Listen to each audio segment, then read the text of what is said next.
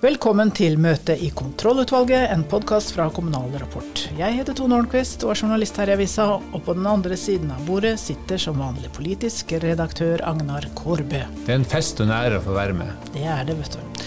Det blir trønderfokus i dagens sending. Jeg har vært en tur i Verdalen og snakka med ordfører Pål Sverre Fikse om utsiktene til nok en gang å få rent flertall for Senterpartiet i Verdalen. Og vi spør sjefredaktøren i Trønderavisa, Hans Sivert Rossing, om eh, hvilken vei valgvind i et fylke blåser. I Luster i Sogn kan 20 år gamle Jonathan Hurtig bli ordfører for KrF, akkurat som bestefaren hans eh, var en gang. Vi tar en prat med han om det. Og til slutt så skal vi til Lyngdal eh, på Sør-Vestlandet. Der er det et fornøyelsespark basert på Anne-Kat. Vestlis univers under bygging, eller er det det? Da er dagsorden godkjent? Det er det. Vi kjører i gang.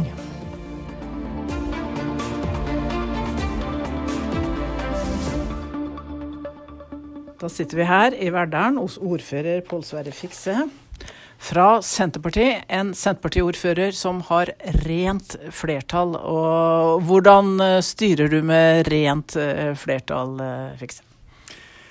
Jo, eh, å styre med rent flertall har sine muligheter og sine utfordringer. Eh, vi er snart ferdig med fire år, og det, eh, det har i all hovedsak gått fint i en veldig unormal periode. Da, med pandemi i alle perioden, og vi hadde mange andre saker som man ikke kunne se for seg at kom.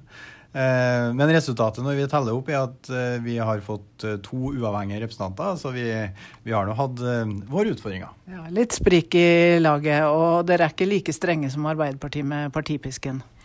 Nei, vi har prøvd å ha stor takhøyde for å kunne stemme ut ifra sin egen overbevisning. Så det er veldig lite partipisk til oss. Det og dette valget blir det rent flertall igjen? Det tror jeg er ganske lite sannsynlig at det blir rent flertall to perioder på rad. Eh, men vi har som ambisjon om å gjøre et eh, veldig godt valg og fortsatt være det største partiet i Verdalen og fortsatt komme i posisjon. Sist fikk dere veldig god drahjelp nasjonalt av Vedum og kaffepraten og alt det. Hvordan blir eh, drahjelpen fra Senterpartiet nasjonalt denne gangen?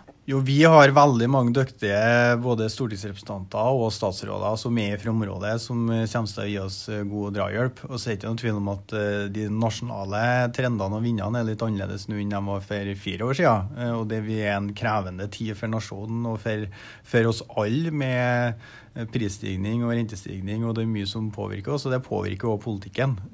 Og der har Arbeiderpartiet og Senterpartiet nå ansvaret i regjering. og jeg tror Høyre for så vidt er godt fornøyd med å sitte på sidelinja og se at de ikke tar det ansvaret. For da tror jeg jo eh, da tror jeg de nasjonale målingene vært ganske annerledes. Men eh, jeg har trua på at eh, vi kommer til å gjøre et godt kommunevalg, og at vi får god drahjelp òg fra det nasjonale leddet. Sånn et normalvalg og ikke sånn hurravalg som sist. Ja, og det er jo det en må huske på litt med, med, det veldig gode valgresultatet sist, og delvis målinger fram mot sist stortingsvalg mot 20% så det, det er ganske langt unna en normal situasjon. Så vi må huske på hva som egentlig er en normal situasjon. Jeg tror vi kommer til å gjøre et, eh, et ganske godt uh, kommunevalg. Og hvem, eh, hvilke av rikspolitikerne vil du invitere opp?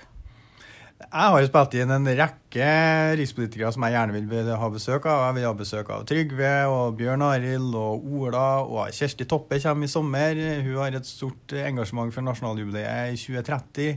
Eh, vi har en Sigbjørn Stiklestad-jubileet. Stiklestad-jubileet i 2030. Det har Kjersti Toppe i sitt departement som har ansvar for det, og som har vist et stort engasjement. Så eh, vi tar imot besøk fra alle, vi.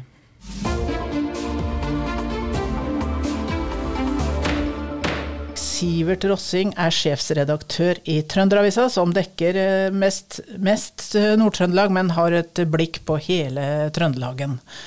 Og eh, Rossing, hvordan ser liksom det politiske landskapet ut nå, noen måneder før valget? I Trøndelag har jo på en måte nærmest i all tid det politiske landskapet vært veldig sterkt prega av Senterpartiet og Arbeiderpartiet eh, lokalt. De to partiene ville jo i enhver nordtrøndersk kommune har hatt uh, rent flertall til evig tid. og De, de styrer jo uh, samtlige kommuner unntatt én. og Den store spenninga i de fleste av dem er jo hvem av de to er det som, uh, som skal stikke av med ordførerklubber denne gangen. Da. Det er jo, det er en, en, på en måte de to som kjemper i nesten alle kommuner. og det er jo litt interessant når du ser at regjeringa på en måte gjør det svakt. for Så lenge de to er hovedmotstandere, så, så kan nok den nasjonale liksom, trenden nulles litt ut. da. Det er ikke så relevant om på en måte regjeringa gjør det dårlig, fordi eh, det er uansett ikke noen andre alternativer enn de to i eller i hvert fall reelle alternativer i de aller fleste kommunene. Så det blir ordfører fra Senterpartiet og Ap i nesten alle uansett. Ingen Høyre-ordfører altså i det, den nordlige delen av Trøndelag? Det er en eh, Høyre-ordfører i dag, eh, og det er det nivået de har brukt å ligge på. Spørsmålet om det blir én eller null. Liksom. Hvor, er det Høyre-ordføreren også? Frosta kommune Frosta, i Nord-Trøndelag har Høyre. Men Senterpartiet gjorde jo et veldig godt valg sist, også i Trøndelag. Blir det like bra nå, eller er det noe som har også dratt ned for Senterpartiet i Trøndelag? Ja, Det som var overraskende sist, da, eh, det var jo at Senterpartiet gjorde det så bra i de her eh, kommunene som er ganske store i trøndersk eh, sammenheng. altså Kommuner opp mot 15 000-20 000 innbyggere. De tok jo hele på en måte dominoen på Innherred.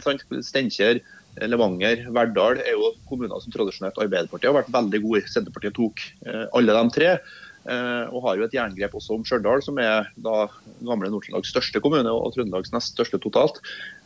Sånn at Arbeiderpartiet eh, gjorde det helt spektakulært svakt i kommunene i Nord-Trøndelag eh, for fire år siden. og er nok veldig revansjesugen, men jeg tror ikke det er noen sånn automatikk i hvert fall i at de, i at de liksom seiler inn og tar tilbake ordførerklubbene. Og For Senterpartiet sin del så, så, er jo problemet her hvordan skal man klare å, å forsvare et så sterkt valg som man gjorde sist.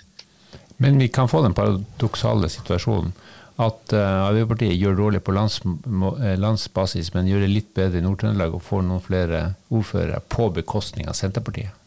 Ja, det kan vi. Hvordan står det til på fylket?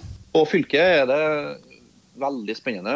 Vi må jo huske at uh, Trøndelag fylke er jo, er jo, fortsatt et ungt fylke. da, Men i hele den tida det har eksistert, så har jo Tore O. Sandvik fra Arbeiderpartiet vært fylkesordfører. Han var jo også i svært mange år i gamle Sør-Trøndelag. Eh, han eh, står jo ikke på gjenvalg, og eh, nå skal man jo da på en måte for første gang ha et valg med, med liksom bare eh, nykommere, skulle du si. Eh, altså ingen, ingen, som hadde med seg den ordførererfaringa fra gamle, de to gamle fylkene. Da. Og det, det, blir svært interessant. Eh, det var jo ganske nært sist òg at Senterpartiet klarte å, å kuppe liksom, makta på, på bakrommet med en ja, litt sånn spesiell kabal de jobba med sist. da. Eh, og Det meste tyder jo på at Senterpartiet har enda større eh, muligheter nå i dag, eller i år. da. Det er i hvert fall svært spennende da, om det blir Senterpartiet eller Ap som tar makta i Trøndelag. Og Nøkkelen der da er jo Høyre. som Den ene kommunen Høyre gjør det veldig veldig bra i, det er jo selvsagt Trondheim. og Der er det jo også flest velgere. og hvis Høyre og Senterpartiet finner sammen i en eh, lykkelig allianse, så kan det fort føre til at det blir Thomas Hallem fra Senterpartiet som, som blir fylkesordfører i Trøndelag. Men Arbeiderpartiet kan jo også finne sammen med Høyre for å beholde ja. den viktige posisjonen som fylkesordfører. Er ikke det en mulighet? Ja, jeg tror det er mindre sannsynlig i, i, i Trøndelag. Altså, vi må jo huske at uh, i Trondheim så er jo, er jo Høyre og Ap eh, hovedmotstandere. Det er, jo, det er jo den uh, ene kommunen hvor Høyre på en måte er en, en svært tung å kjøre, er jo i Trondheim. og Mye av fylkespolitikken henger jo også sammen med liksom Trondheim. Det er jo mye av de samme folkene og eh, delvis litt sånn ideologisk kanskje de samme motsetningene. og Jeg tror det er lite sannsynlig at, at Høyre skal støtte en, en Ap-fylkesordfører. altså, da tror jeg Hvis Ap skal beholde den makta, så tror jeg de er avhengig av eh, at andre partier til sammen gir dem et, et flertall.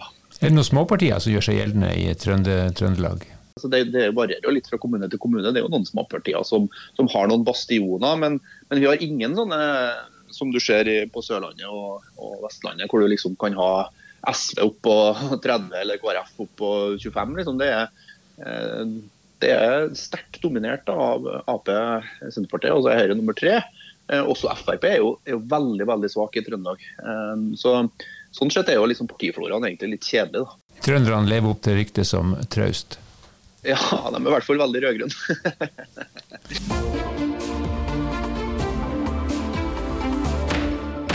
Det er eh, mange godt voksne mennesker i kommunestyrene landet over, eh, men eh, ungdommen skal også være med. Og i Luster KrF så har de satsa friskt på 20 år gamle Jonathan Hurtig som ordførerkandidat. Og du er med oss her, Jonathan. Hvordan skal du vinne valget i Luster og bli ordfører? vil jeg tørre å påstå at dette er et stort spørsmål. Jeg, aller først jeg har lyst til å si at jeg smigrer over å få lov til å få muligheten. Så er det en gang slik at et kommunestyre der skal ikke bare bestå av 50 år gamle menn i dress, det skal gjenspeile hele befolkningen.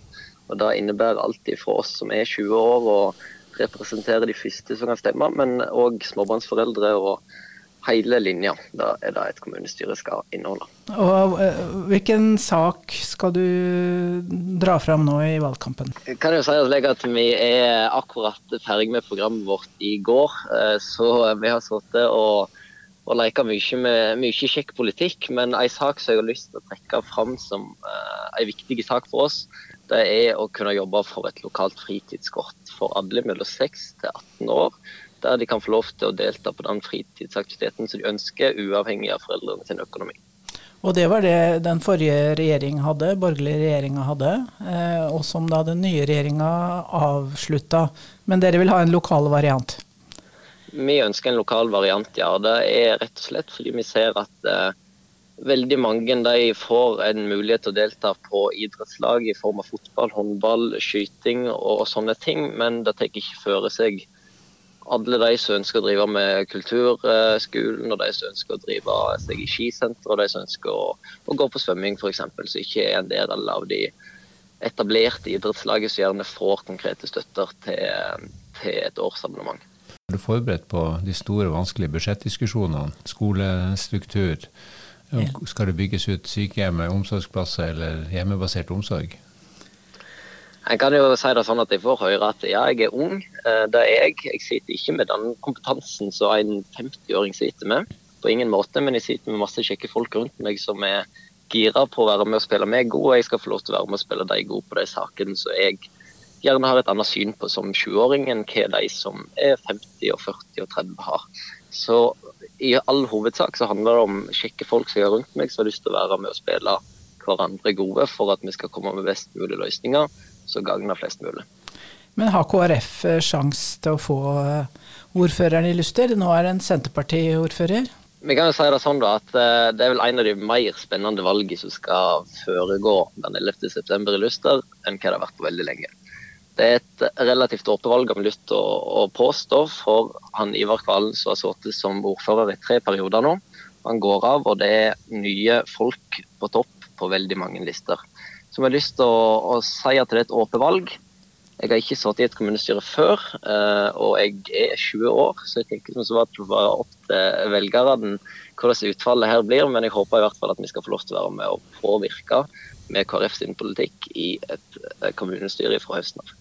Helt til slutt, hva slags rolle skal KrF ha i norsk politikk? Det er jo et parti som ofte har vært eh, sagt det går mot en sakte og stille død fordi velgerne dør ut, men du er jo eksempelet på det motsatte. Ja, vi er et parti som har lyst til å være et sentrumsparti som skal ta føre seg eh, et menneske fra livets start til livets slutt. Nettopp da at alle skal være like mye verdt. Du har sammenligna KrF med den gule midtstripa på veien. Hva mente du med det? Nå er jeg vestlending jeg er, og er født og oppvokst på svingete, kronglete veier uten gulstripa. Og det er helt klart at uh, veiene våre er mer utrygge enn de flotte veiene finner andre plasser i landet med gule striper. Så er gule midtstriper i veien, det er et tryggere veisamfunn. Og et gult KrF i sentrum, det er en tryggere politisk kultur. Og så er det jo familietradisjon hos deg å være ordfører. Du hadde en bestefar som var eh, ordfører i Luster. En kan vel gjerne si at jeg er litt arvelig belasta, ja. Han har nok eh, vært med og, og vært en pådriver for at eh, jeg har rota meg inn i politikk.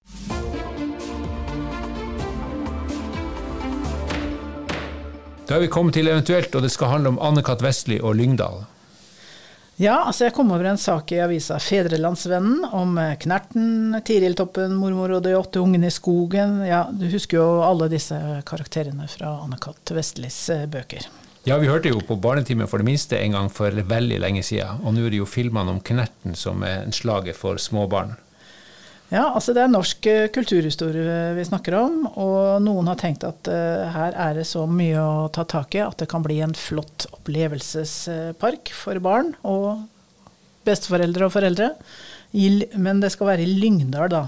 På Sørlandet. Det er veldig bra at de tar opp kampen med kaptein Sabeltann og gjengen i Kardemommeby. Ja, det er kanskje tenkt sånn at uh, de skal prøve å, å, få folk til å kanskje gjøre begge deler. Gå innom begge disse parkene. Men altså nå er denne byen, uh, eller parken, halvferdig, og så er pengene brukt opp. 100 millioner uh, er brukt. 50 av dem er offentlige kroner. Skattebetalernes penger. Og så trengs det da 50 millioner til for å komme i mål, og de pengene fins ikke så skal kommunen betale, skal fylkeskommunen betale, eller staten eller næringslivet. Eh, de er ute og, og sonderer nå, da. Et halvferdig eventyrland, det går jo ikke an. Dette må jo ferdigstilles. Det blir jo et marerittland hvis, hvis det blir liggende sånn som nå. En vanskelig sak for både lokalpolitikere og lokalt næringsliv. Kanskje hjelper det å tigge pengene her, men eh, personlig må jeg si at jeg syns jo det er veldig hyggelig å kunne tenke at eh, Knerten får sitt eget eventyrland, et slags uh, norsk Disneyland. En alternativ til Mickey Mouse, men uh, jeg vet ikke. Altså jeg, jeg, vil gjerne ned der og besøke Knerten og Ole Alexander, Philip Bom Bom og sånn, så jeg, jeg, går for at noen, noen hoster opp de 50 millionene. Ja, det er lett for oss å si. Vi skal sitte ikke med det endelige beslutningsansvaret her, men vi kan ikke annet enn å ønske lokalpolitikerne lykke til med et vanskelig valg. Før vi avslutter sendinga, vil jeg bare minne om våre nyhetsbrev som gir deg daglige oppdateringer på, fra vår nettavis. Der har vi i disse dager nyheter fra vår lokalpolitikerundersøkelse, bl.a. om økonomisk handlingsrom og hvilke saker som lokalpolitikerne mener er viktigst nå ved inngangen til lokalvalgkampen. Og til dere kommunedirektører som hører på, så husk på å svare på vår kommunedirektørundersøkelse som vi nettopp sendte ut. I studio Tone Holmquist og Agnar Korbe, ansvarlig redaktør for Kommunal Rapport, og podkasten er Britt Sofie Hestvik. På gjenhør.